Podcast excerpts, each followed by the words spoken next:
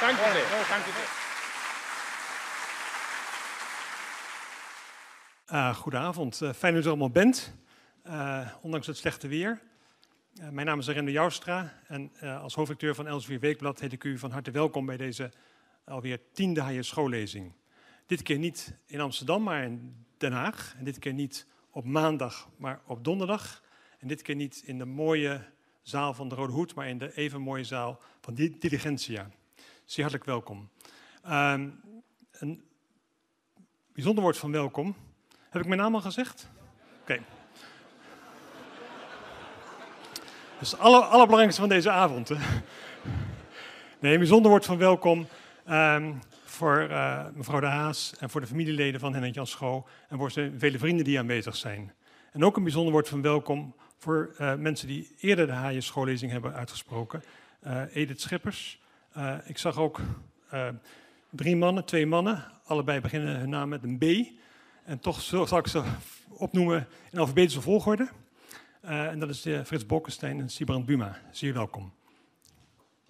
De Haaien schoollezing is uiteraard vernoemd naar Haaien Scho, een begenadigd bladenmaker en uh, journalist, essayist, columnist, die helaas veel te vroeg is overleden in 2007 op 61-jarige leeftijd.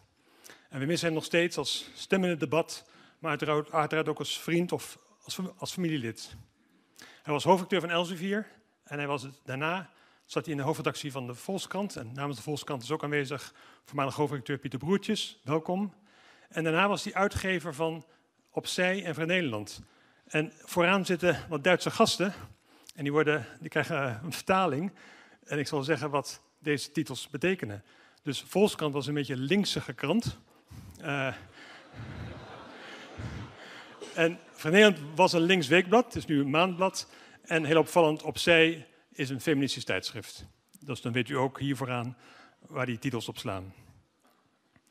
Um, ja, wij proberen altijd met deze Hendrik Jan schoollezing proberen we eigenlijk uh, het politieke jaar te openen. Officieel is dat natuurlijk afgelopen dinsdag geopend door de Tweede Kamer. En we proberen altijd een interessante spreker te vinden. Dat is ook afgelopen uh, tien jaar, elf jaar, wat zeg ik, negen jaar steeds gelukt. En nu moesten we eigenlijk uitwerken naar het buitenland. Um, naar Duitsland. En uh, we hebben iemand gevonden die eigenlijk direct ja zei. En daar ben ik zeer vereerd mee.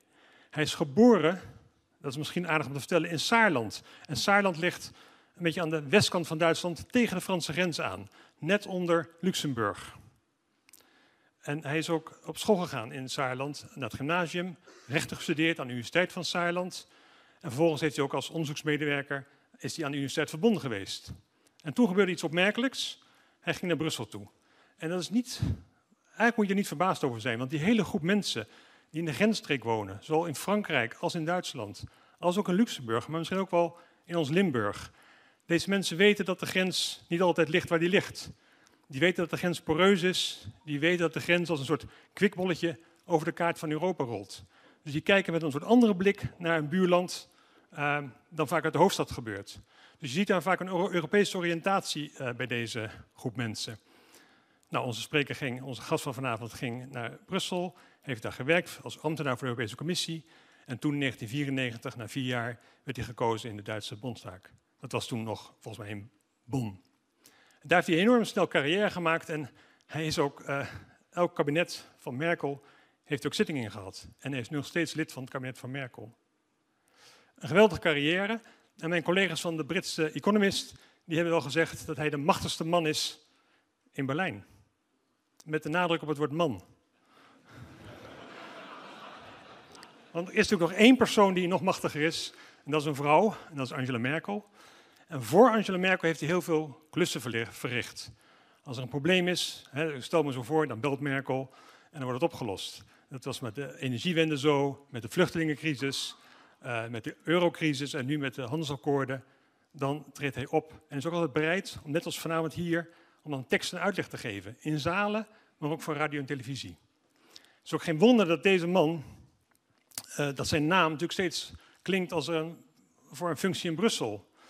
Dat wordt gek gezien nog als iets hoger dan een nationale regering. En uh, dat gebeurt ook nu weer. Als dat in Nederland je overkomt, als je in een vroeg stadium wordt genoemd als Nederlandse politicus dat je uh, in bent voor een functie in, in, Brussel, is dat eigenlijk de beste garantie dat je het niet wordt. Uh, en ik hoop voor als onze spreker inderdaad die functie wil hebben, dat de wetten in Duitsland anders zijn en dat dat uh, op een andere manier gaat. Um, vanmorgen is hij om vijf uur opgestaan in Warschau. Vanavond om acht uur spreekt hij hier in Den Haag. Ik ben zeer vereerd dat hij hier is. Ik vraag graag uw aandacht en uw applaus voor de Duitse minister van Economische Zaken en Energie, Peter Altmaier.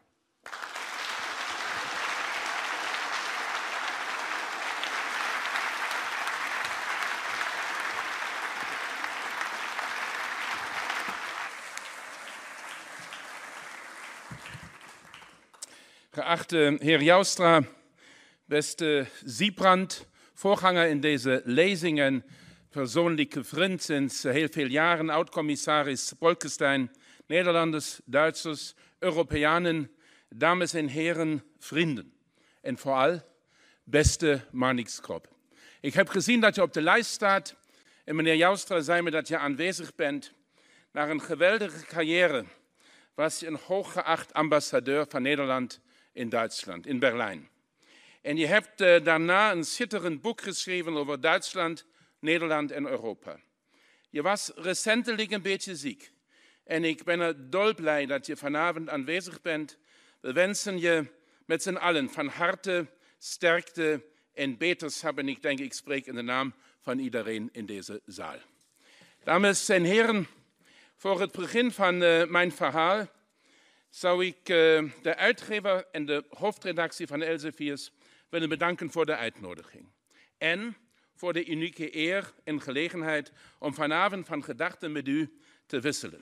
Ik heb me uiteraard afgevraagd in welke hoedanigheid ik überhaupt genodigd ben vanavond. In de hoedanigheid van Duitser of in de hoedanigheid van minister van Economische Zaken. In de hoedanigheid van Europeaan of, zoals gesteld in de aankondiging van Elsevier, in de hoedanigheid van vertrouweling van de bondskanselier. Indien er echter sommigen van u zijn gekomen in de hoop dat ik een of ander geheim zou verklappen uit de samenwerking met de bondskanselier, moet ik u helaas teleurstellen. De geheimen zijn geheim en daar zullen ze ook blijven omdat ook de politieke samenwerking allemaal afhankelijk is van uh, vertrouwen, van toeverlatigheid. En uh, ik zeg alleen maar dat ik uh, al die jaren heel graag voor Angela Merkel heb gewerkt. Ze is opgegroeid in Oost-Duitsland. Ze heeft 40 jaar communisme meegemaakt. Ze is een van de meest succesvolle politici in Duitsland. En wat me vooral bemoedigd heeft om voor haar te werken in al die jaren, is het feit dat ze nooit een uitsluitend Duits politicus is geweest, maar dat ze altijd het Europees belang en het internationaal belang op het vlak van economische zaken, ontwikkelingssamenwerking uh, en milieu bedacht heeft bij de beslissingen op nationaal vlak. En ze heeft me gemachtigd om uh, u de groeten te doen uh, namens haar en ik uh, voeg aan toe, ik voel me ook gemachtigd om u de groeten te doen namens de hele Duitse regering. Uh, en ik ben er hartstikke van overtuigd dat ook onze Bayerse zusterpartij van de CSU eh, zich niet daartegen zou verzetten. Ja, ik, nu, ik onthul nu toch een geheim. Ik ben in feite alleen maar en uitsluitend uitgenodigd omdat ik aan Carla Joosten heb beloofd dat ik mijn verhaal in het Nederlands zou doen. En uh, dat was een, een, hele moeilijke beslissing, omdat uh, mijn uh, actieve kennis Nederlands eh, al jarenlang achteruit gaat. Maar op de andere kant eh, voelde ik me gevleid. En ik wist niet of ik ooit weer zo'n uitnodiging eh, zou kunnen krijgen, indien ik deze keer niet accepteerde. Dus ik zal proberen om het verhaal in het Nederlands te doen. Ik weet dat u ongetwijfeld mijn Engels of mijn Duits veel beter zou kunnen verstaan dan mijn gebrekkig Nederlands. Maar, dames en heren, de uitnodiging door Elsevier is altijd een poging waard. Ik heb Nederlands geleerd als autodidact in de jaren 80 in Saarland, naar aanleiding van een ontmoeting, een studieweek met Nederlandse jonge christendemocraten in het Nationaal Sportcentrum te Sittard in het Limburgse. Ik heb toen kennis gemaakt met jonge collega's, met studenten, scholieren, jonge werknemers. Ik heb geluisterd naar het verhaal van René van der Linden en Ria Omen, toen een van de jongste leden van de Tweede Kamer. En ik denk dat ik, als ik zeg, uh, Nederland, oh Nederland, jij bent een kampioen. Wij houden van Oranje om zijn daden en zijn doen. Dan is dat, uh, dan is dit liedje, dan is dit liedje voor mij niet alleen het liedje van André Hazes, dat ik aan de avond van de Kamerverkiezingen al een keer heb getwitterd.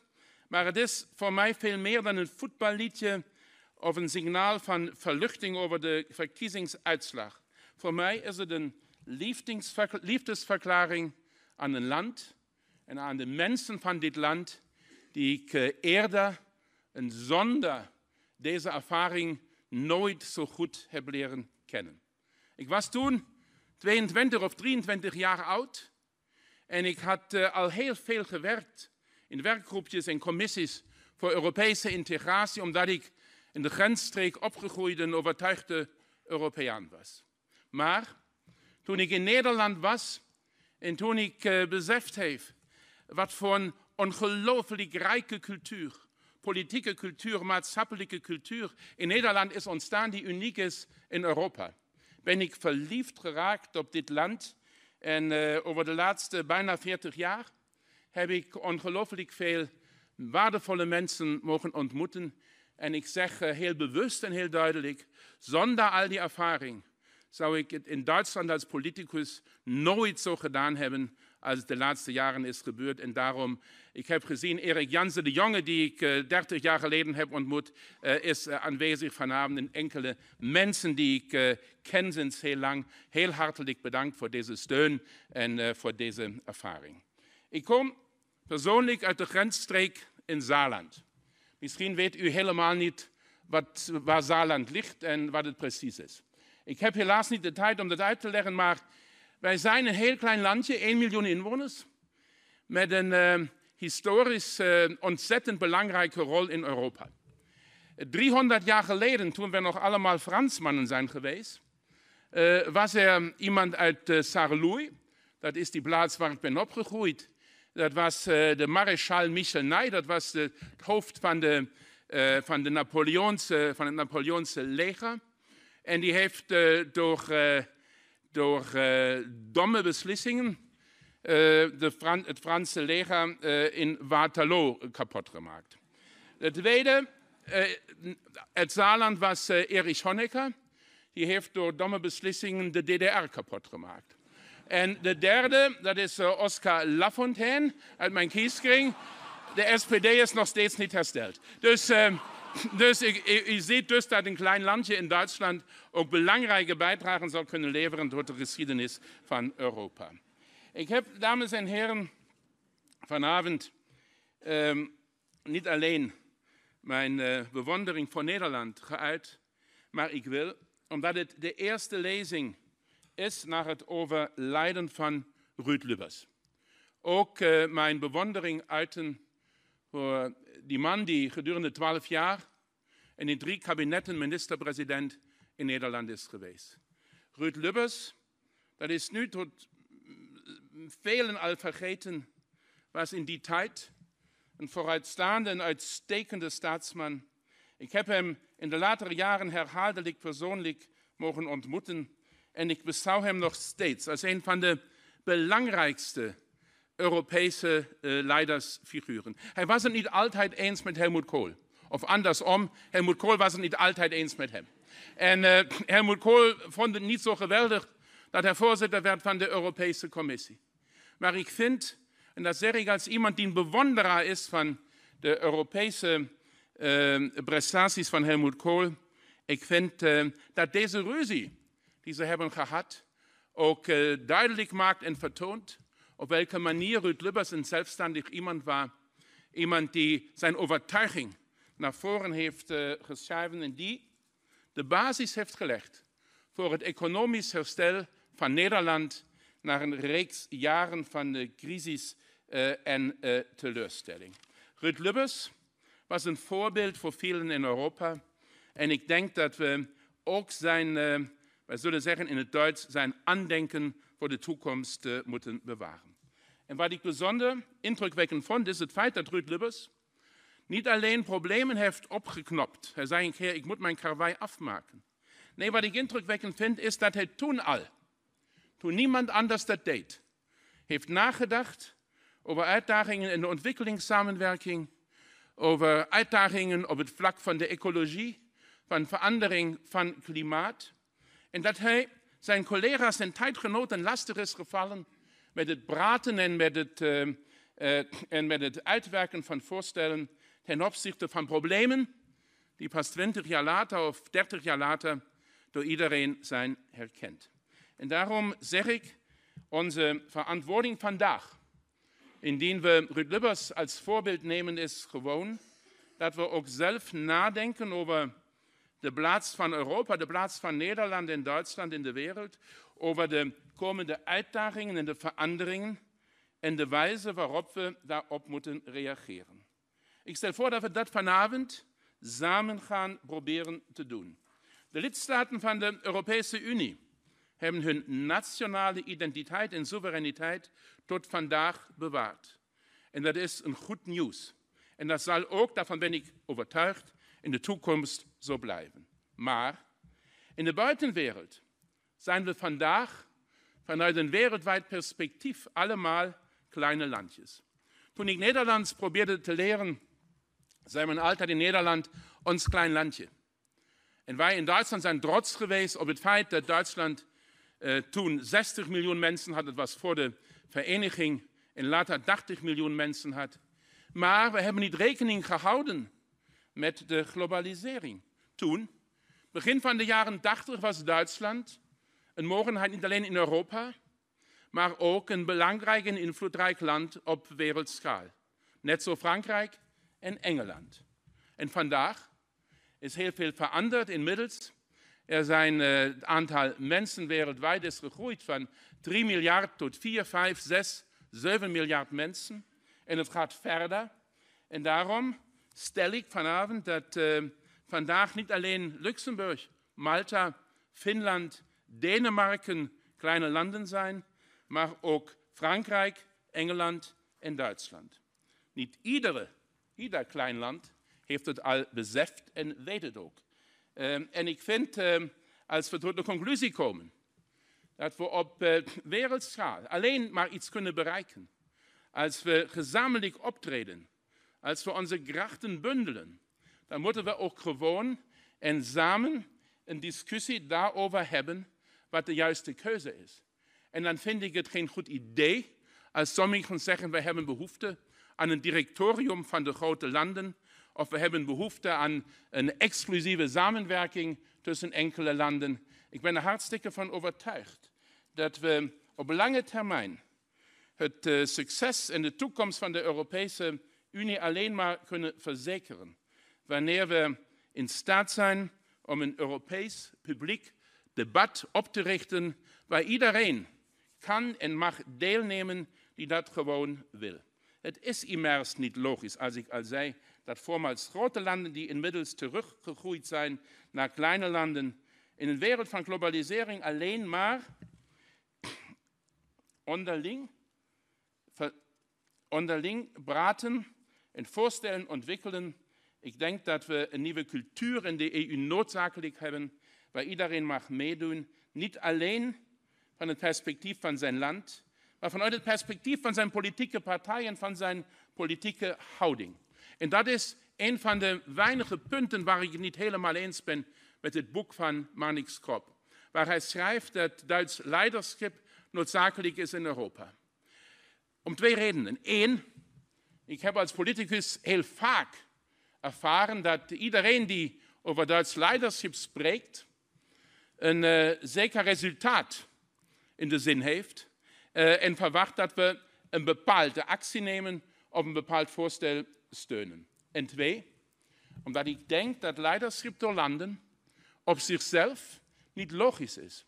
Omdat in Nederland, in Duitsland, in Italië, overal in Europa bestaat er geen unieke standpunt tegenover milieu, tegenover defensie, tegenover sociale zekerheid. Er bestaat een politiek debat in Nederland en in Duitsland, waar heel veel politieke partijen aan meedoen. En ik denk dat deze debat ook op Europees niveau uh, tot stand komen moet. En een voorbeeld voor dit debat is een brief van acht landen die naar, uh, op initiatief van uh, Wopke Hoekstra, mijn toenmalige collega van Financiën in de Eurogroep en in de ECOFIN, werd verstuurd. Dat was naar aanleiding van het debat tussen vooral Frankrijk en Duitsland over de hervorming van de eurozone. En toen dat gebeurde, heeft mijn goede vriend Wopke Hoekstra me niet van tevoren betrokken. Hij wist niet helemaal of ik helemaal mee eens was met de brief. En daar had hij gelijk. Maar ik was tol blij dat hij het had gedaan.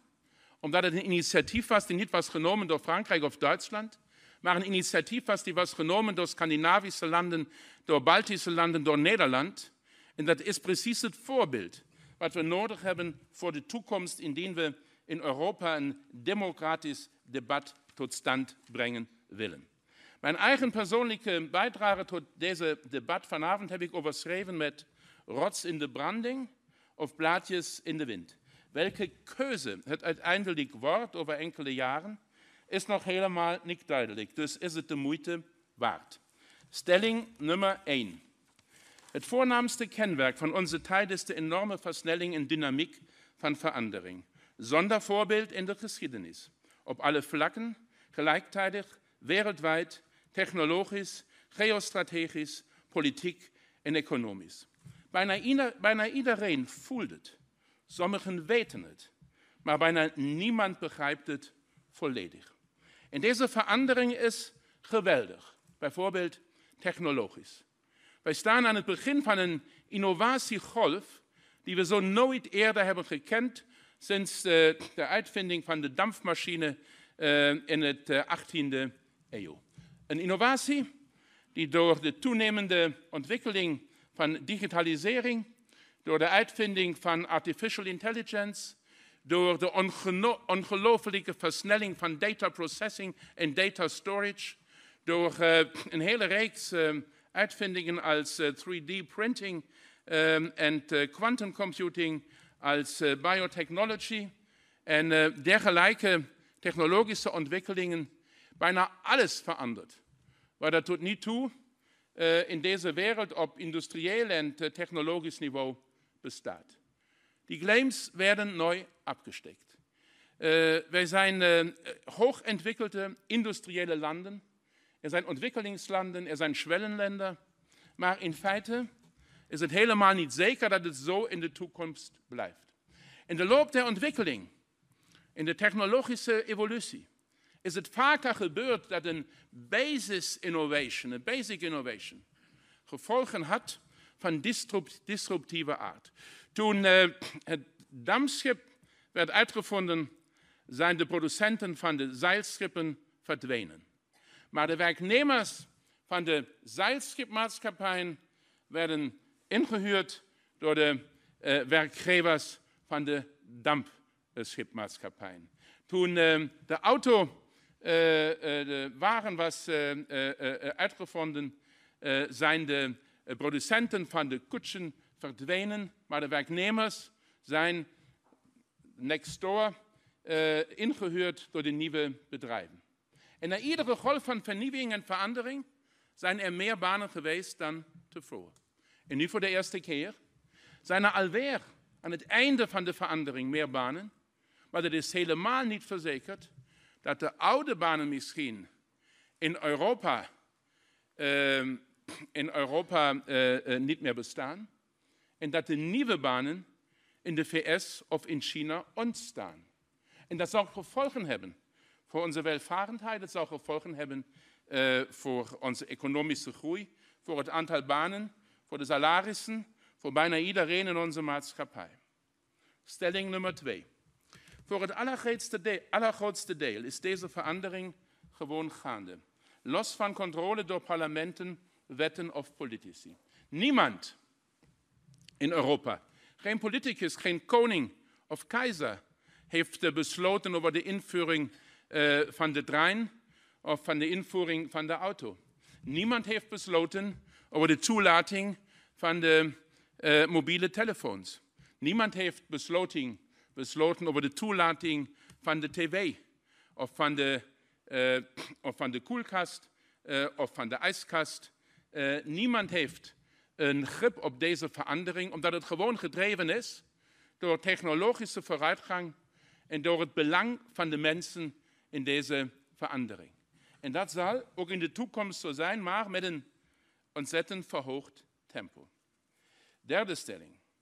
Het herkennen, aanvaarden, begrijpen en verklaren van deze verandering is een belangrijke voorwaarde voor het succesvol bestrijden van populisme. Overal in Europa zijn we aan het worstelen met het fenomeen van het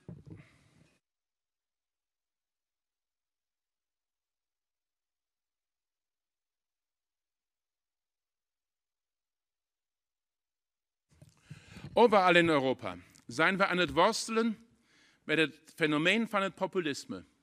In Frankrijk, in Italië, in Nederland en in Duitsland. Sinds een aantal jaren en soms met toenemende, uh, met toenemende uh, tendens. En dat betekent dat we er moeten over nadenken wat er is gebeurd en welke fouten zijn gemaakt. Ik denk dat het niet dat het, niet, dat het geen goede oplossing is als, indien we zeggen dat de populisten schuld zijn aan het ontstaan van het populisme. Dat is hun bedoeling. Daarvoor werken ze gewoon. En daarvoor krijgen ze steun van kiezers. En de vraag is, welke fouten hebben wij gemaakt? En ik denk dat een van die fouten daarin bestaat dat we heel vaak niet eerlijk zijn geweest ten opzichte van de veranderingen die gaande zijn. En dat we aan de mensen niet hebben uitgelegd wat er gebeurt, waarom het gebeurt en welke alternatieven bestaan.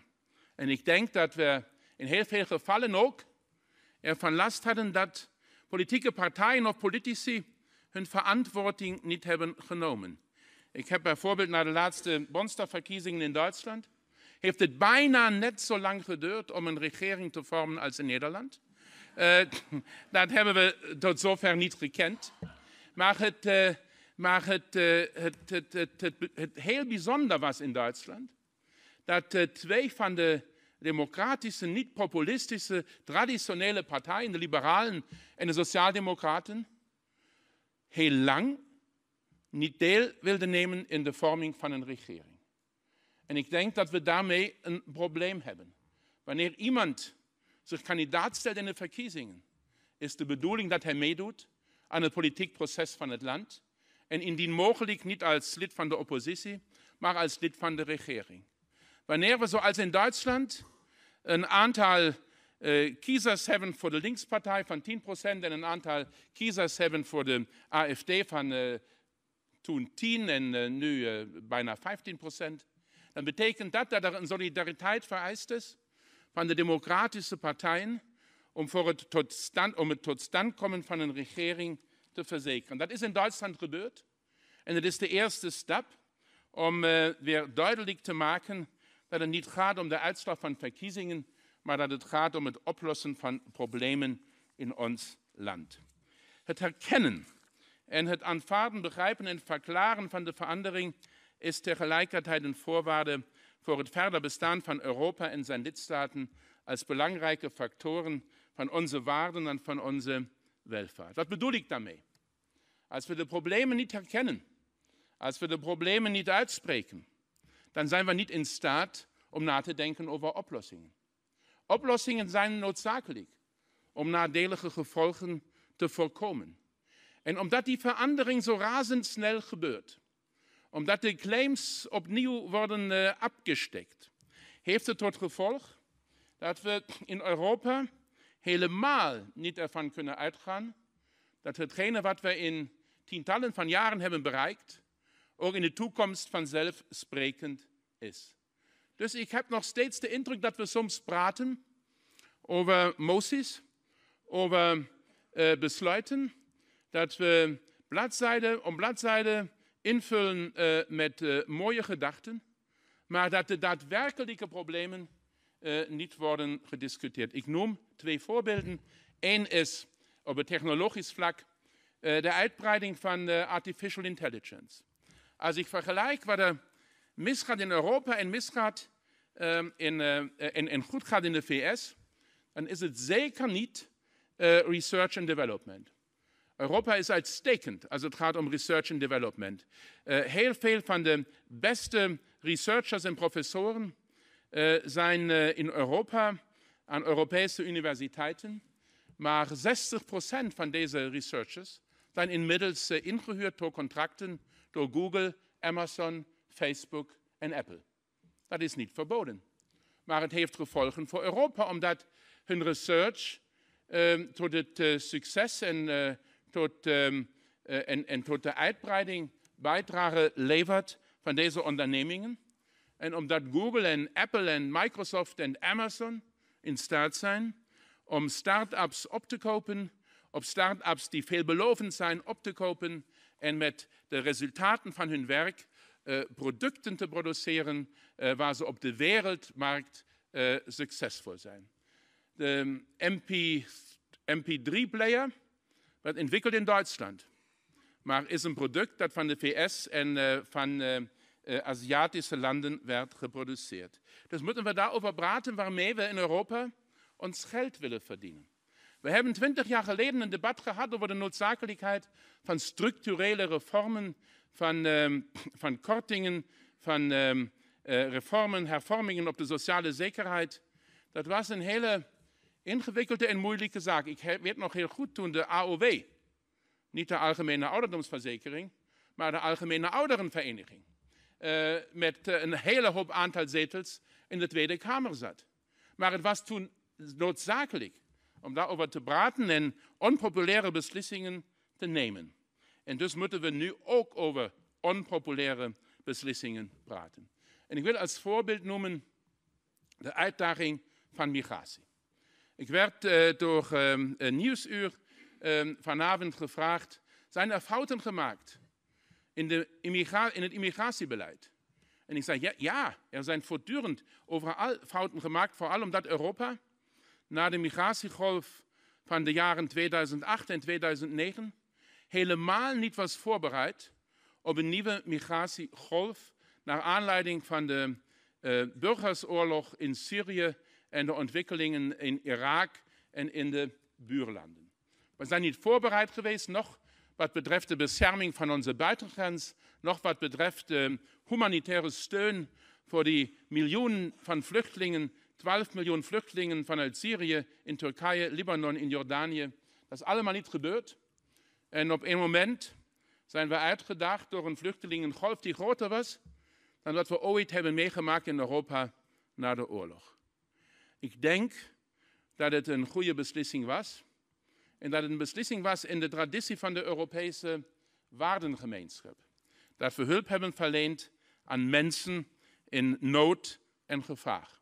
Maar tegelijkertijd was het brood nodig om daarover te praten op welke manier we dat toekomstig kunnen voorkomen. En uh, Frans Timmermans, een goede vriend met wie ik samen in de Europese Conventie heb gezeten, de vicevoorzitter van de Europese Commissie, heeft samen met Turkije een overeenkomst uh, bereikt dat tot gevolg heeft gehad dat de vluchtelingengolf uh, met meer dan 90 procent is gedaald. En nu zijn nog steeds heel veel vluchtelingen aanwezig. Er zijn migranten aanwezig die in de jaren 60 en 70 naar Nederland en Duitsland zijn gekomen om hier te werken als migrerende werknemers.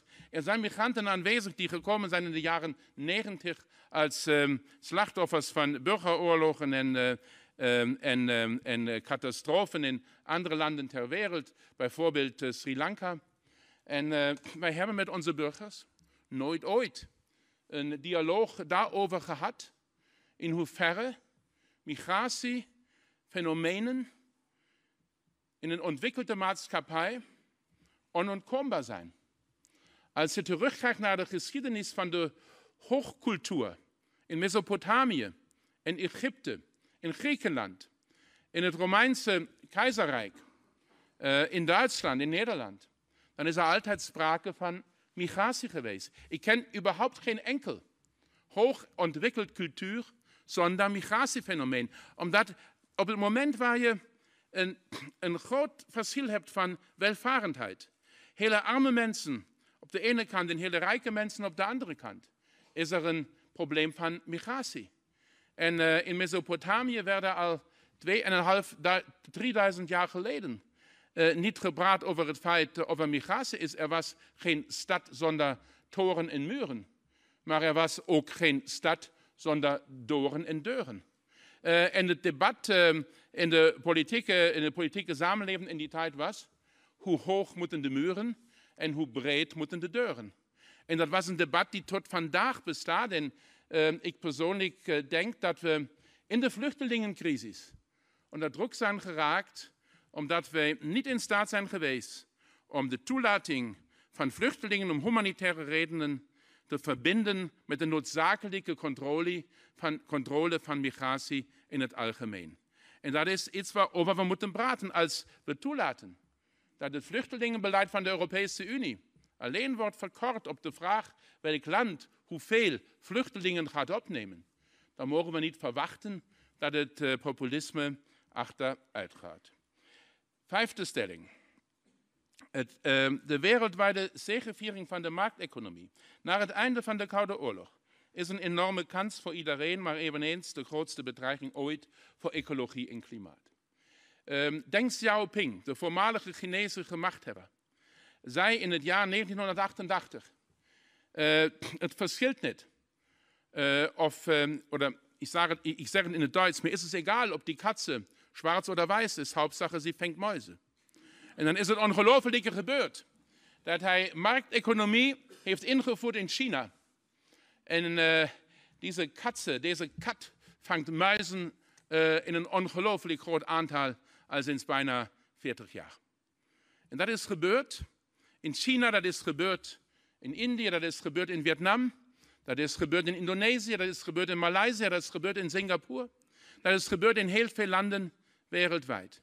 En wat we nu zien is dat de markteconomie veel meer dan de klassieke ontwikkelingssamenwerking over heel veel jaren tot gevolg heeft dat mensen die hard werken, dat mensen die goede goederen uh, produceren, ook een kans hebben op persoonlijke welvarendheid en geluk.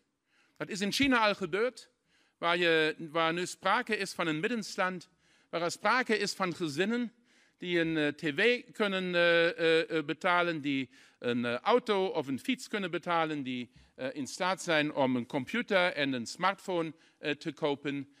allemaal een toename van welvarendheid die nooit eerder mogelijk is geweest. En dat betekent een kans dat we de humanitaire problematiek van deze wereld in de loop der jaren tot een heel groot deel kunnen verbeteren of oplossen. Maar wat betekent dat voor onze ecologie? Uh, wanneer we over nadenken dat in een wereld van 7 miljard, misschien uh, in enkele jaren 8 miljard mensen, iedereen over het dezelfde, uh, hetzelfde niveau van, van, van, van levensstandaard en welvarendheid beschikt als het in Duitsland, Nederland, in de VS en in Engeland nu al het geval is. Dan zou dat betekenen dat deze wereld op ecologisch, uh, op, op ecologisch vlak ten onder gaat. Dan zou het betekenen dat we onze lucht niet meer kunnen ademen. Dan zou het betekenen dat uh, onze, onze zeeën vervuild zijn.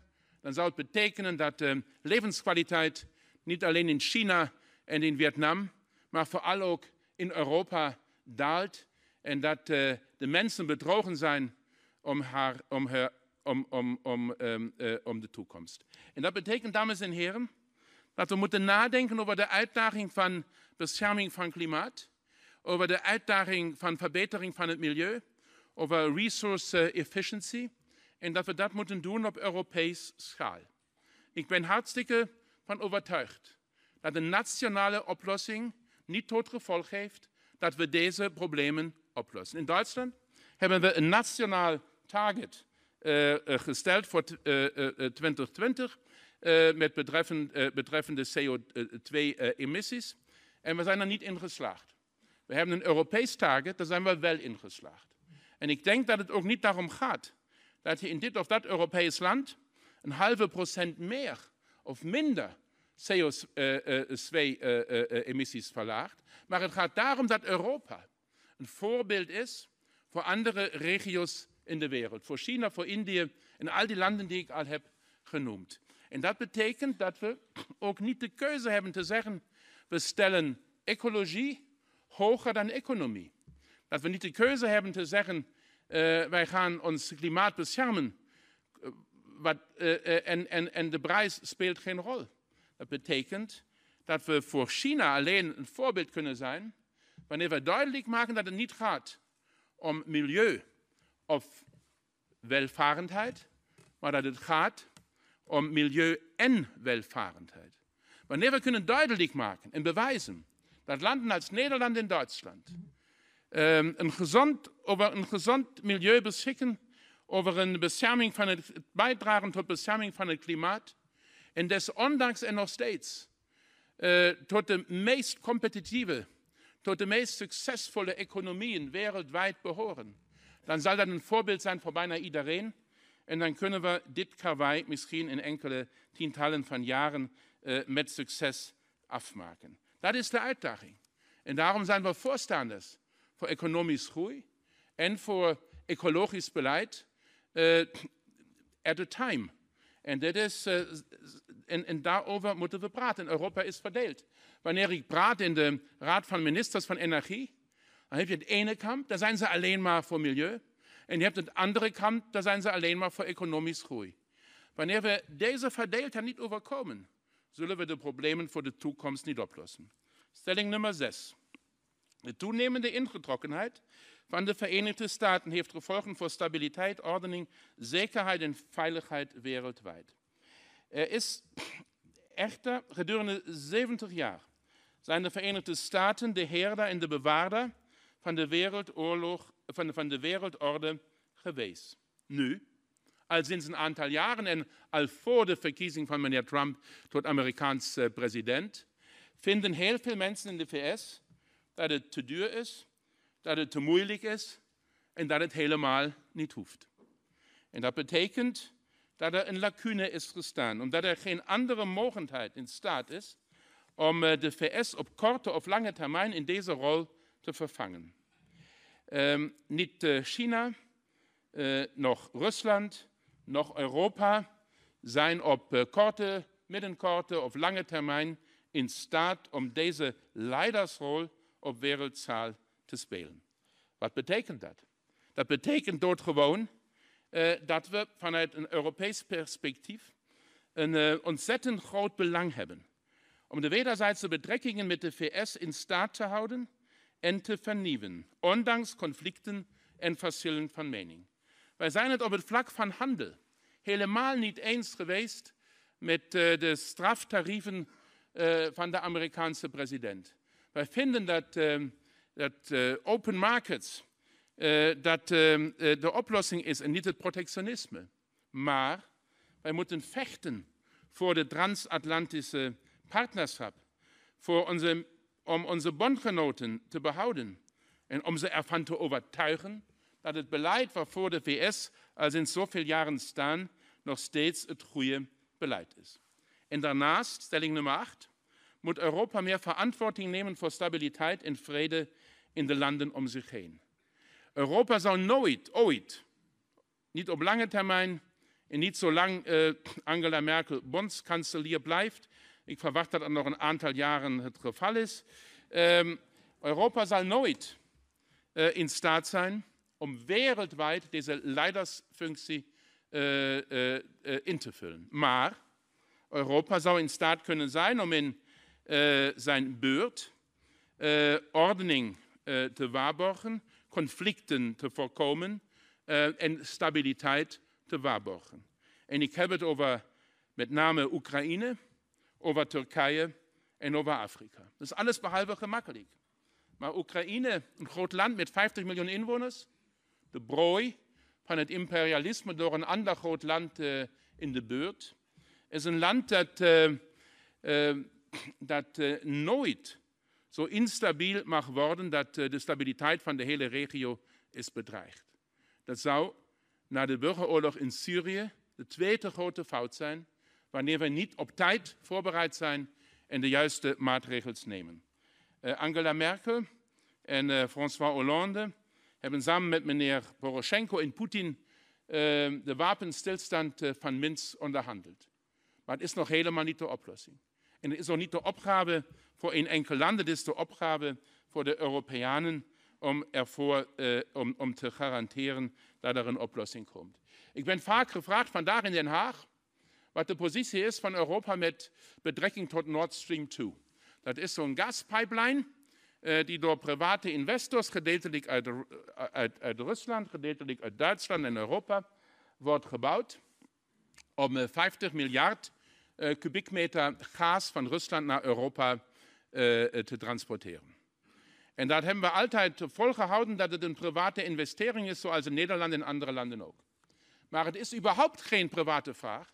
Het is een politieke vraag in hoeverre de essentiële zekerheids- en veiligheidsbelangen van Oekraïne zijn gewaarborgd, ook na uh, het uh, in werking treden van een dergelijke pipeline. Omdat Oekraïne vandaag het transitland is, voorraad vanuit Rusland naar Europa. En daarom hebben we het initiatief genomen, daarom heeft de bondskanselier me gevraagd om naar Moskou en naar Kiev te gaan, uh, om te praten over een garantie voor Oekraïne wat betreft een, belangrijk en, uh, en, een groot aantal gas, dat ook na 2090 via de Oekraïne naar Europa komt. Omdat de Oekraïne minder uh, bedreigbaar is, omdat de Oekraïne uh, minder onbeschermd is, wanneer ze nog steeds een transitland voor gas uit Rusland zal zijn. Turkije, dat is een heel gevoelig onderwerp. Ik weet nog heel goed, die uh, referendumcampagne, toen Nederlandse ministers en politici overal in Europa zijn opgetreden voor bijeenkomsten. En er was een zwaar conflict tussen Turkije en Nederland. Ik was in een talkshow, uh, Anne Will op Duits TV, uh, en ik had een debat met de Turkse minister van Sport. Uh, en, en, toen hij Nederland onbeleefd ja, ik zeg niet aangevallen, maar uh, kritiek op een uh, iets onbeleefde manier heeft geuit, heb ik hem in mijn gebrekkig Nederlands uh, geantwoord. en ik heb Nederland verdedigd, omdat ik vind dat we onze waarden overal moeten verdedigen. En dat is zo en dat blijft zo. Maar tegelijkertijd is Turkije lid van de NAVO. Tegelijkertijd wonen in Turkije 70 miljoen mensen. Tegelijkertijd is Turkije nu nog steeds een eh, haven van eh, stabiliteit voor 4 miljoen vluchtelingen die op het grondgebied van Turkije verblijven. En daarom ben ik er hartstikke van overtuigd dat Europa ook een belang heeft om de stabiliteit in Turkije voor de komende jaren te bevorderen. Niet een bepaalde regering, niet een minachting van de rechten van de mens, niet een uh, verzwakking van democratische regels, maar de stabiliteit van een land met zoveel mensen. En tenslotte Afrika. Afrika is een groot continent waar nog de VS, nog Rusland, nog uh, andere landen een essentieel belangstelling hebben om de humanitaire problemen op te lossen. Afrika is geteisterd door uh, climate change. Afrika is geteisterd door een enorme groei van de bevolking. En uh, Angela Merkel heeft bezoek gebracht uh, vorig jaar aan Niger dat zijn 18 miljoen mensen, uh, gemiddelde leeftijd 14 jaar. En tot het eind van deze eeuw zullen ze tot 100, 100, tot 100 miljoen inwoners. En dat betekent dat we in Afrika een tijdelijke, dat er sprake is van een tijdelijke bom. Van een ontwikkeling die over enkele jaren misschien niemand meer beheerst. En daarom de vraag, wat zou Europa kunnen doen, wat zou Europa moeten doen om een dergelijke ontwikkeling te voorkomen? Het antwoord is gemakkelijk. We moeten ervoor zorgen dat in Afrika, net als in China, net als in Indië, een ontwikkeling in de gang komt die tot gevolg heeft dat de mensen banen hebben, dat de mensen salarissen hebben, dat de mensen een uh, vorm van sociale zekerheid hebben, dat ze een vorm van opleiding hebben die tot gevolg heeft dat de migratiegolven niet ontstaan uh, en dat goede relaties in het wederzijds belang mogelijk zijn. Dat werkt misschien niet alleen met de traditionele vormen van ontwikkelingssamenwerking, maar misschien werkt het wel uh, wanneer we proberen om ook in Afrika uh, initiatief, markteconomie, uh, middenstand, nijverheid te bevorderen, mensen te bemoedigen dat ze zelfstandig worden en dat ze zelf proberen om hun geluk, geluk te bereiken. Dat is een grote uitdaging. We hebben besloten dat we instaan voor een um, Marshallplan, niet voor Afrika, maar met Afrika. Dat we meer aandacht willen besteden aan de ontwikkelingen in de, op deze continent. En ik denk dat doen we niet alleen voor de humaniteit, dat doen we in het belang van Europa, van Nederland en van Duitsland. 10. Multilateralisme en vrijheid van koophandel zijn in het vitaal belang van Europa en zijn bondgenoten. De wereldwijde economische verweving van landen zou een belangrijke bijdrage tot stabiliteit kunnen leveren. Ik heb in het debat over Nord Stream 2 samen met mijn Poolse en uh, Slowakische vrienden herhaaldelijk daarover gehad. Je zou het kunnen beschouwen op een manier dat Europa afhankelijk is van gasleveringen vanuit Rusland. Maar je zou het ook kunnen beschouwen in de zin dat Rusland afhankelijk wordt van betaling door Europa. En wat we hebben gezien in de loop der jaren is gewoon dat wanneer je wederzijds afhankelijk bent, wanneer de economieën verwoven zijn door export en import, dat het eh, een bijdrage levert tot politieke stabiliteit, niet alleen tot welvarendheid, maar tot politieke stabiliteit. De Eerste Wereldoorlog en de Tweede Wereldoorlog zijn mogelijk geweest omdat die verwevenheid uh, niet, die verweving niet bestond en omdat er geen vitaal belang was om de internationale coöperatie en de internationale samenwerking in staat te houden. 11. Is the economy stupid? Die Wettbewerbsfähigkeit van Europa en van onze landen is gewaarborgd, zeker als het gaat om de klassieke uitdagingen in Nederland, uh, in Denemarken, in Luxemburg, in Duitsland. En ik ben hartstikke overtuigd ook uh, in onze buurland Frankrijk, uh, omdat de hervormingen die nu aan de gang zijn al beginnen effectief te zijn. Ik heb gelezen in een krant, in een Nederlandse krant, dat de populariteit van de Franse president daalt. En ik zeg, nou, dat is een, dat is een indicatie dat de noodzakelijke hervormingen worden genomen.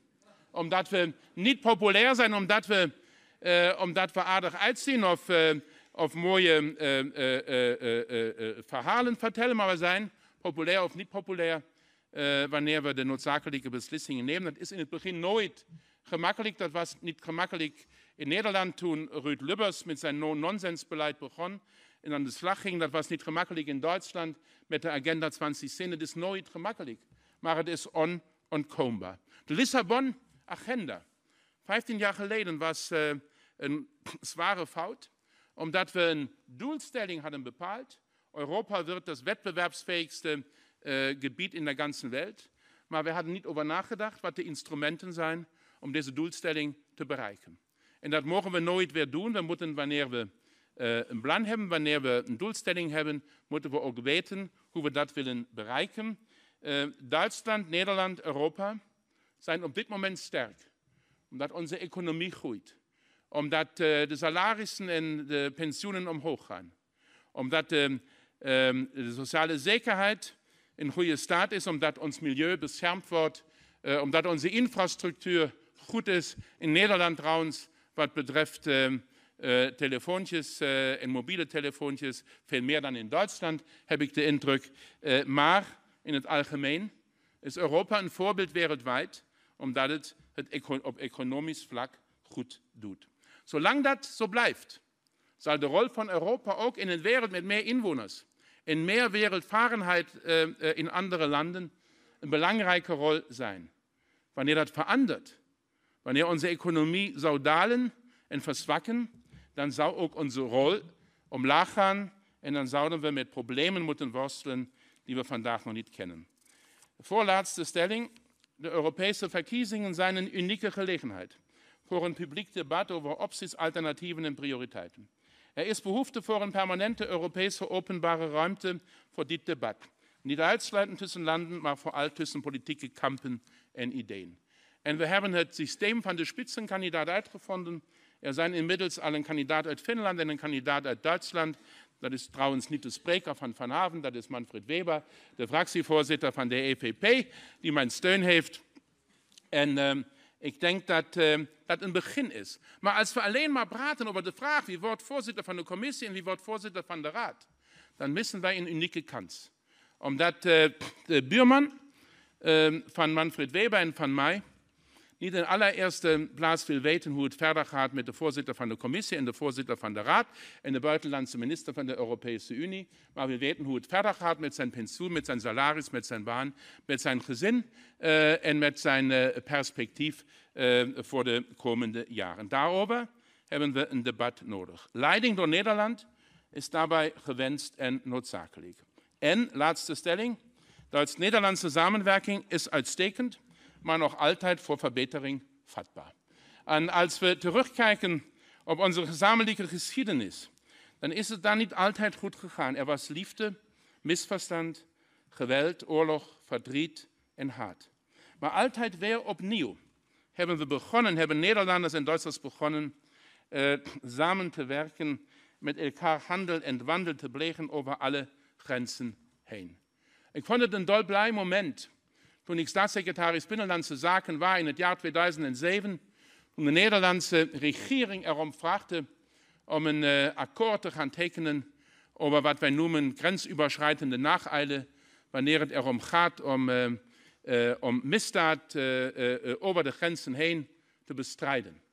Dat was 40 jaar geleden zeker niet mogelijk, omdat de herinnering nog zo vitaal was aan het oorlogsverleden en al het vreselijke wat er van Duitser kant uh, gebeurd is. Maar vandaag is de wereld veranderd. En vandaag hebben de mensen in Nederland en Duitsland het gevoel dat ze broers en zusters zijn. Of uh, tenminste, uh, tenminste schoonbroers en schoonzusters. het, het verschilt, het verschilt nagelang het probleem. Maar deze samenwerking is uitstekend. En onze bilaterale handelsrelaties met Nederland zijn intensiever dan die met landen zoals de Verenigde Staten, Frankrijk of Groot-Brittannië. Op de lijst van Duitse handelspartners staat Nederland op de tweede plaats naar China.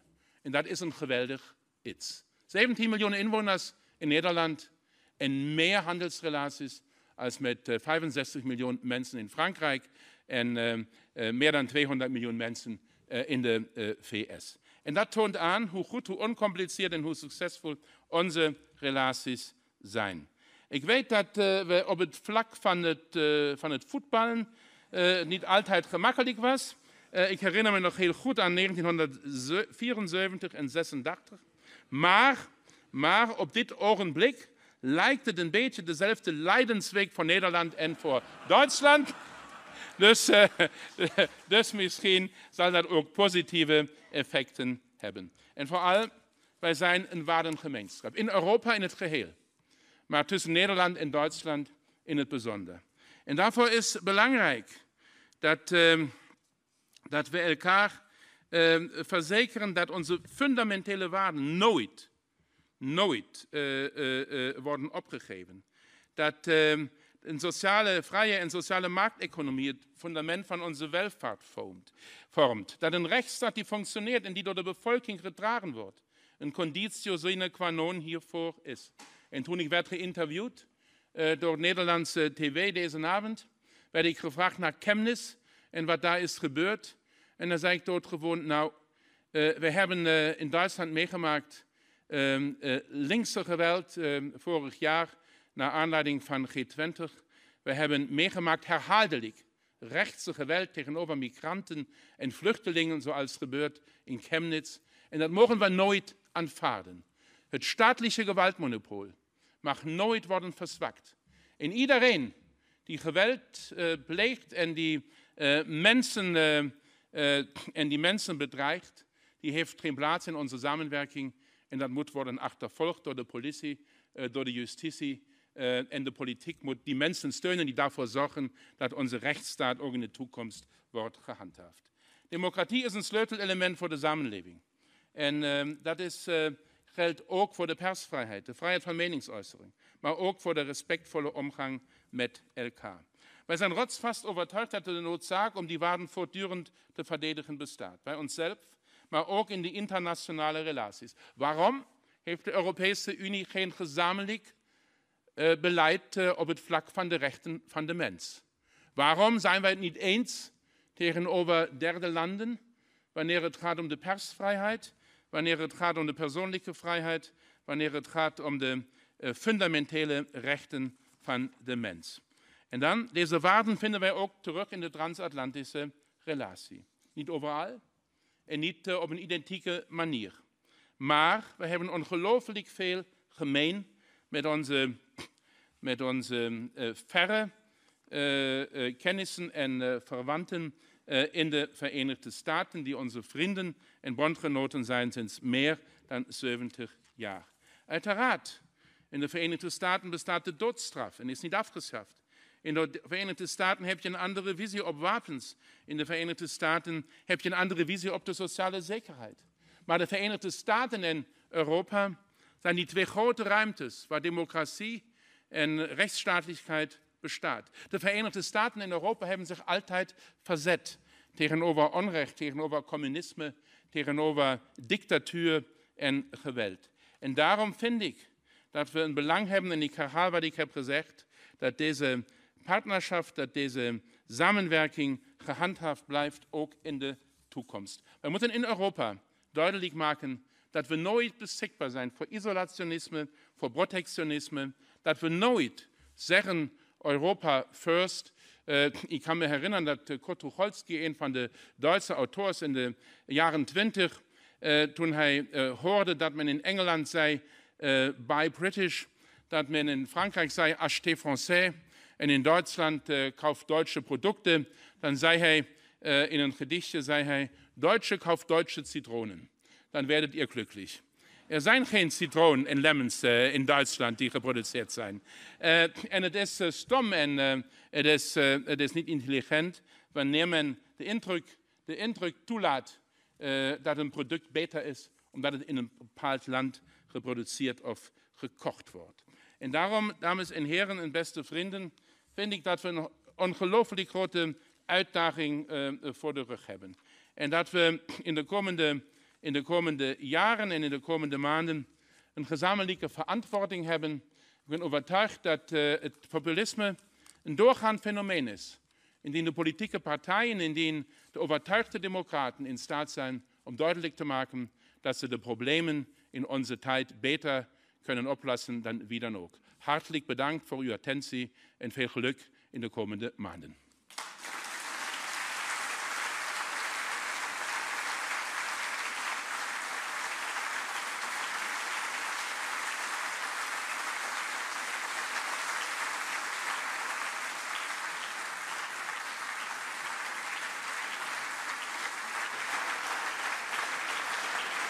Dankeschön.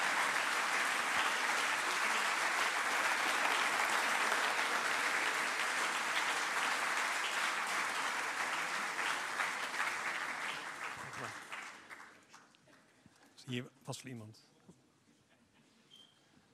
Dat wordt leuk. Wat een uh, indrukwekkende en humane en inspirerende toespraak. Veel dank, uh, Peter Altmaier. En ik zou eigenlijk over al die stellingen zouden we nog kunnen doorpraten. Dat is ook de bedoeling, want u zei er moet debat komen. Um, en dat kunnen we doen, maar ik heb eerst nog een cadeau. Omdat we natuurlijk in Nederland altijd bloemen geven. Oh, wat leuk. En... Uh,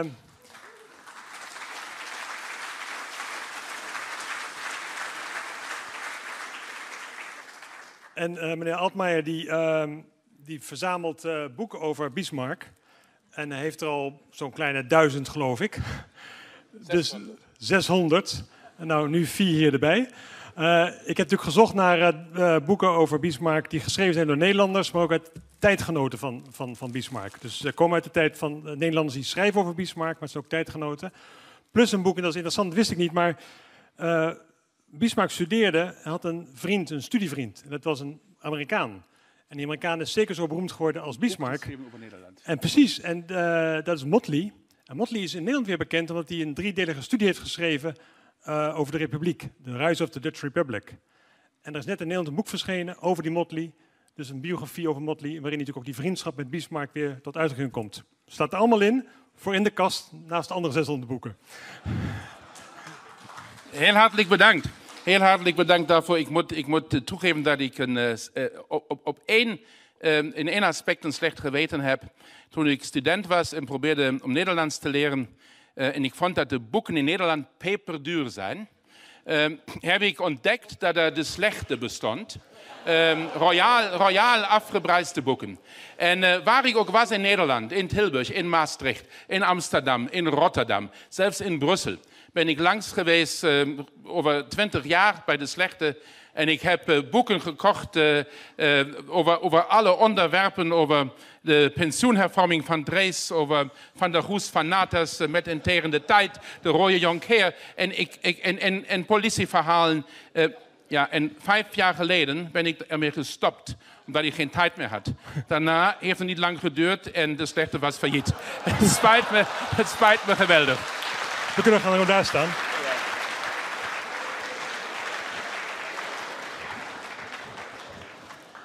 En vanwege de eerlijkheid doe ik ook mijn jasje uit. Dat is wel zo eerlijk. Uh, het vliegtuig vertrekt zo. Uh, want dat vliegtuig moet op een of andere rare reden voor middernacht landen in, Berlijn, geloof ik. Dus daar gaan we voor zorgen. Uh, we hebben tijd voor een paar vragen. Uh, in de zaal zijn microfoons en er lopen dames rond of, of jonge heren. En die gaan dan nu vragen, uh, microfoon geven. En dan stelt u, zegt u even wie uw naam is. En dan stelt u de vraag. Er, zijn, er gaan ook camera's mee, want dit is allemaal opgenomen door livestream. Wordt dit weekend ook weer uitgezonden op NPO Politiek. Kunt u het nog een keer nakijken.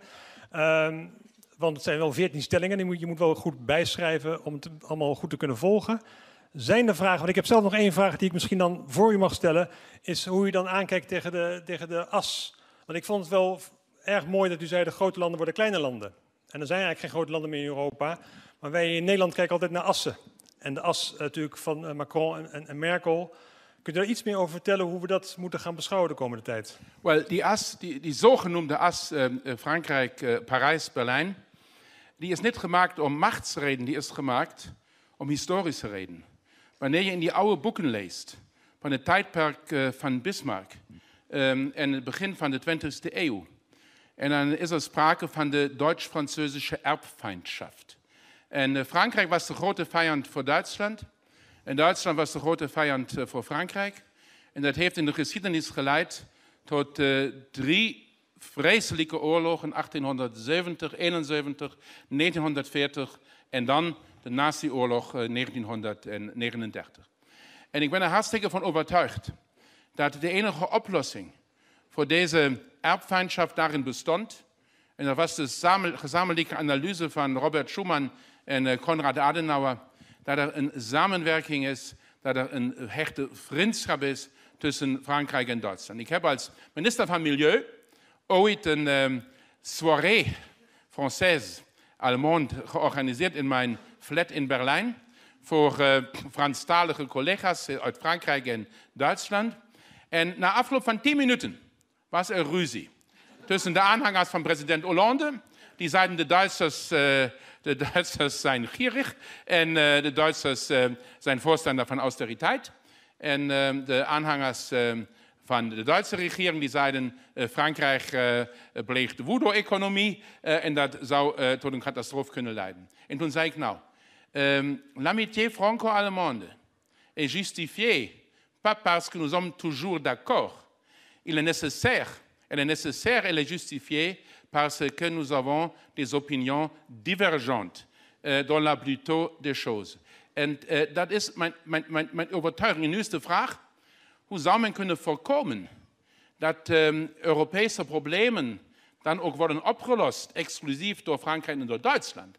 En dat is een uh, uitdaging en een rol voor alle andere landen in Europa, in de, doordat ze ons meebetrekken. We hebben op Duits initiatief gecreëerd het Weimar Triangle.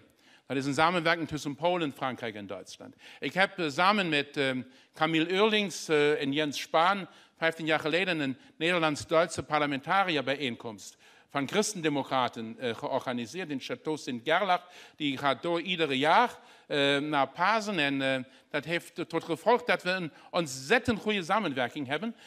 en de Duitse ideeën zijn in Nederland sowieso al bekend. Maar de Nederlandse ideeën zijn in Duitsland niet automatisch bekend. Dus is zo'n samenwerking ontzettend belangrijk om te weten wat zijn de Nederlandse ideeën en wat moet je maken. En ik zeg dat niet om, kritiek te oefenen, maar toen ik René van der Linden leerde kennen, was Nederland een politieke grote mogelijkheid in Europa. Uh, Nederland is de bemiddelaar geweest tussen Frankrijk en Duitsland, tussen Engeland en Frankrijk, tussen Spanje en, uh, en Duitsland. En uh, wat, er ook gebeurde in de conventie, René van der Linden had altijd een compromisvoorstel. Altijd een voorstel op welke manier de problemen kunnen worden opgelost. En uh, na, het, na het opkomen, of na het trauma van Theo van Gogh en Pim Fortuyn, Rita Verdonk en Gert Wilders, na de verschuivingen in, de in het Nederlandse politieke debat, heb ik soms de indruk gehad dat dat uh, verandert, dat er sprake is van meer ingetrokkenheid in Nederland. En dat heb ik betreurd, omdat ik die Nederlandse collega's heb gemist. En dat is nu gelukkig weer aan het veranderen. Uh, als ik zie Sigrid uh, Kaag, als ik zie uh, Wopke Hoekstra, als ik zie Mark Rutte, als ik zie Siebrand van Haasma Buma, ze zijn allemaal collega's met wie we praten, met wie we van gedachten wisselen. En ik heb de grote wens dat Nederland meer mensen naar Europa stuurt en niet minder veel. Heel goed. Misschien kan, kunnen mijn collega's van de Spiegel of Focus een keer een Nederlands politicus uitnodigen om dan zo'n toespraak te houden. En dan uh, weten de Duitsers ook wat aan de hand is hier in Nederland. Ik, ik heb nauwelijks licht in de zaal, maar is er iemand met een vraag? Uh, ja, wordt er gezegd. Hier, vooraan. Ja, dus uw naam graag en dan de vraag. Mijn naam is eh, Leonard Ornstein. Welkom, uh, Peter. Geweldige speech. Uh, ik heb eigenlijk maar één vraag. U hebt het gehad over het populisme in Europa. Er zijn inmiddels binnen Europa diverse landen waar anti-Europese sentimenten in de regering zitten. Ik noem Italië, we hebben de Brexit, we hebben misschien dit weekend Zweden. Hoe moet de houding zijn ten opzichte van dit soort regeringen vanuit het pro-Europese kamp? Laat ik nou, uh, deze regeringen uh, zijn gewoon het gevolg van democratie. in, Duitsland, in Duitsland zou het niet mogelijk zijn dat een, een, een, partij met een doelstelling die onverenigbaar is met de grondwet uh, deelneemt aan Bondsdagverkiezingen. En dat is hetzelfde in Italië, in, in, Griekenland en in andere Europese landen. En nu heb je van die partijen die geen voorstellen doen die onverenigbaar zijn met de grondwet, maar die op een zekere manier op een populistische wijze hun ideeën uiten en, en, en, en, daarvoor ook verkozen worden. En dan moeten we dus, moeten we dus praten, discussiëren. We moeten met hen samenwerken, omdat we samenwerken niet met de Italiaanse regering, maar met Italië. Italië is een lidstaat van de Europese Unie. En wat we hebben gezien is dat het populisme tot nu toe waar ook sprake is geweest van een deelname van populisten in de regering, nooit tot gevolg heeft gehad dat ons westers model werd veranderd of beschadigd. Ik herinner me nog heel goed, toen in Griekenland de partij van meneer eh, Tsipras een, eh, overwinning, een grandioze overwinning vierde. En ze zeiden, wij zullen nu de Europese akkoorden verbreken. Wij zullen niet meer gehoorzamen aan wat wij hebben getekend en geratificeerd. Het is voorbij en afgelopen. En na afloop van een half jaar waren het afgelopen met het populisme. En inmiddels hebben wij een samenwerking met Griekenland die is beter dan ooit verwacht en zeker beter dan uh, in de laatste jaren. En daarom, daarvoor moeten we werken, daarvoor moeten we elkaar inspannen en we moeten elkaar respecteren. Dat is de enige oplossing. Het is geen oplossing op korte termijn. Maar ik ben hartstikke van overtuigd dat op lange termijn Europa nooit een prooi zal worden aan het populisme. Uh, en dat het alleen ervan afhankelijk is in hoeverre wij, de politici, het lef hebben om te weerspreken en onze overtuiging van humaniteit uh, tot uiting uh, te brengen. Ik heb eergisteren, ik ben soms op Twitter, ik heb ook een aantal Nederlandse followers, en dan vond ik dat een van de vertegenwoordigers van de AFD een uh, onaanvaardbaar tweet had getwitterd. En dan heb ik geantwoord in een klein uh, gedichtje. En dan heb ik gezegd, die Mehrheit sind nicht die, die schreien. Ihr spaltet und zerstört immer fort. Humaniteit is sterker als euer garstig Wort. En dat was een beetje ook een grapje. Maar in de loop van 24 uur heb ik meer dan 2.500 mensen gehad die dat geliked hebben. Die dat leuk vonden dat een democratisch verkozen politicus het lef heeft om uh, op een duidelijke manier tegen te spreken wat gezegd wordt door iemand uh, van de AFD.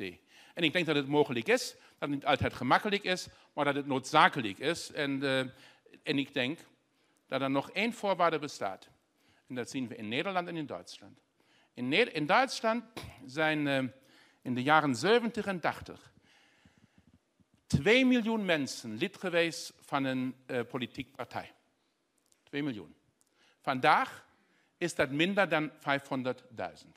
In Nederland zijn nooit zoveel mensen lid geweest van een politieke partij.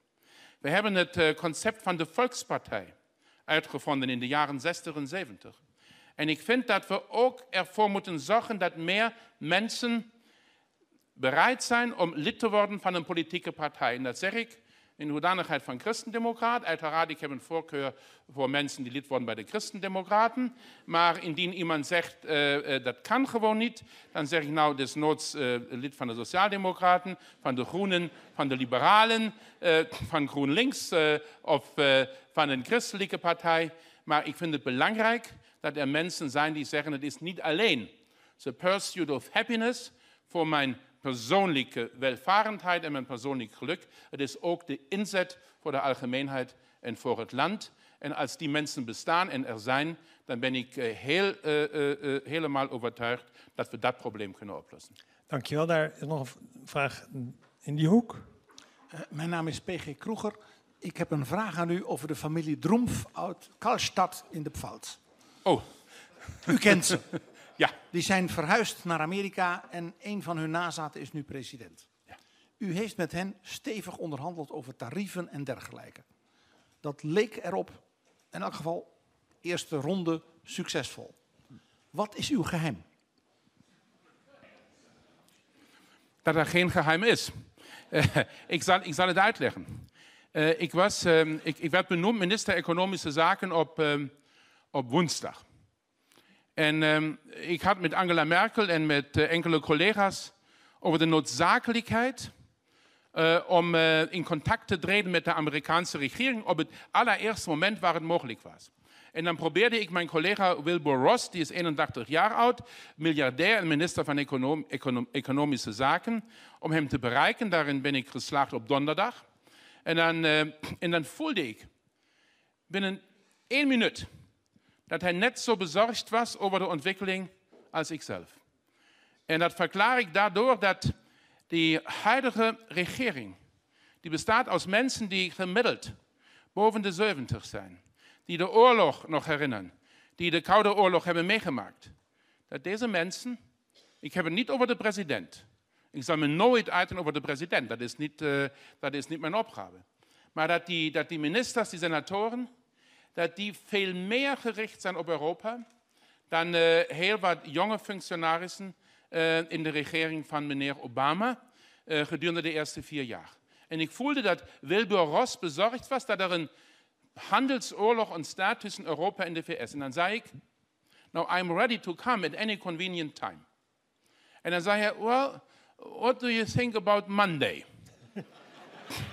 en dat was, dat was niet gemakkelijk omdat uh, Cecilia Malmström, de Europese commissaris, die had, uh, die had al een, een, een, een bezoek voor dinsdag. en nu was de vraag van de Europese solidariteit. Maar ik wist, als ik zeg, ik kom woensdag, dan zegt hij, dat is een zwakkeling en die heeft geen lef en, uh, en die is bang. En als ik zeg, ik kom maandag, dan zou Cecilia misschien ontroggeld zijn en zeggen, wat, wat heeft die uh, Peter daar uh, uh, te doen? Ik ben, ik ben dinsdag sowieso aan het onderhandelen. En dan zei ik tegen hem, nou, um, thank you so much. This is a very good offer. I will come on Monday, but please understand that I will inform Cecilia Malmström and we will discuss our position beforehand. and we will discuss our position after the visit. Um, en, en, en, en, en, dan zei hij met één, ik ben het daar volledig mee eens. En dan ben ik naar en dan zei, dan zei hij, uh, uh, well, what would you think? Uh, shall we meet in the ministry? Or would you come for breakfast in my private home? En dan zei ik, nou, I, would be very pleased to have breakfast in your private home. Dat heeft hij gekocht toen hij minister werd benoemd. Ik heb in Wikipedia gezien dat hij een verzamelaar is van, van de Belgische schilder in de jaren 20 en 30. Ensor? Ensor? Ja, ja, precies. En, en, en dan zei ik, nou, ik kom heel graag. en dan hadden wij ontbijt. En gedurende dat ontbijt heb ik gevoeld dat er een menselijke basis is voor wederzijds begrip. En dan zijn we begonnen, ik had met Cecilia Malmström daarover gehad van tevoren, zijn we begonnen om enkele punten neer te schrijven. Uh, en dat had tot gevolg dat Cecilia dan uh, dat heeft voortgezet, dat ze, dat ze nog punten heeft uh, toegevoegd, dat we weer hebben gebeld. En uiteindelijk was Cecilia het eens over een mogelijke agenda samen met Wilbur Ross. En daarna zijn er twee problemen ontstaan. Op de ene kant was Europa verdeeld omdat niet iedereen in Europa wilde dat we een deal gaan maken met Donald Trump. Sommigen hebben gezegd, um, if he wants uh, a war, he can get a war. A trade war, of course. um, en, um, en, en, en, en, en tegelijkertijd was de Amerikaanse president uh, niet enthousiast over de voorstellen die Wilbur Ross had gemaakt en aanvaard. En dan uh, zijn er twee moeilijke maanden geweest, waar, het, uh, waar, we heel pessimistisch zijn geweest, omdat er geen vooruitgang was. En daarna is Jean-Claude Juncker naar de VS gegaan. Uh, en hij heeft, hij heeft begrepen dat hij een eerlijk gesprek moet voeren met Donald Trump. En uiteindelijk hebben ze bijna deze agenda van Cecilia Malmström eh, besloten en ze hebben ze nog aangevuld met soybeans. En ehm, ehm, en, en dat, was, dat, was, dat, was, dat was begrijpelijk. en, en nu zijn we nog steeds niet zo ver dat het probleem is opgelost. Maar we hebben nu een perspectief dat de tarieven niet omhoog, maar omlaag gaan. We hebben een perspectief dat de, de wereldeconomie niet wordt beschadigd door, such, door, een trade war. Um, en um, dat wist ik niet toen ik, uh, toen ik naar de VS ben vertrokken. Het zou me kunnen gebeuren uh, dat na aankomst in Washington iemand zei, oh meneer, meneer Ross is, is, over het weekend ziek gevallen of, of is niet beschikbaar omdat hij in vergadering is met de, met de president, wat dan ook. En dan zou het heel erg moeilijk geweest zijn tegenover de Duitse pers. Maar op een bepaald moment moet je ook een risico nemen Um, en daarna weet je pas of dat lukt of niet lukt. En het zou nog steeds kunnen misgaan. Maar wanneer je het niet probeert, gaat het altijd mis. Ik, ik, vrees dat dit de laatste vraag was, maar voordat we afscheid nemen wil ik eerst een, een mooi applaus hebben voor de Duitse gasten, die in vertaling naar hun eigen minister moesten luisteren.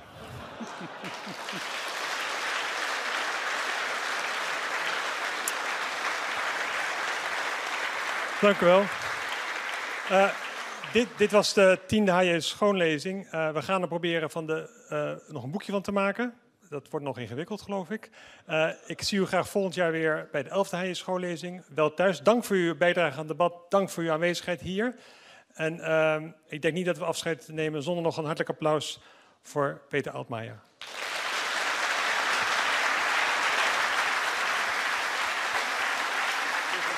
Dank u zeer. Dank u. Vooral hartelijk bedankt.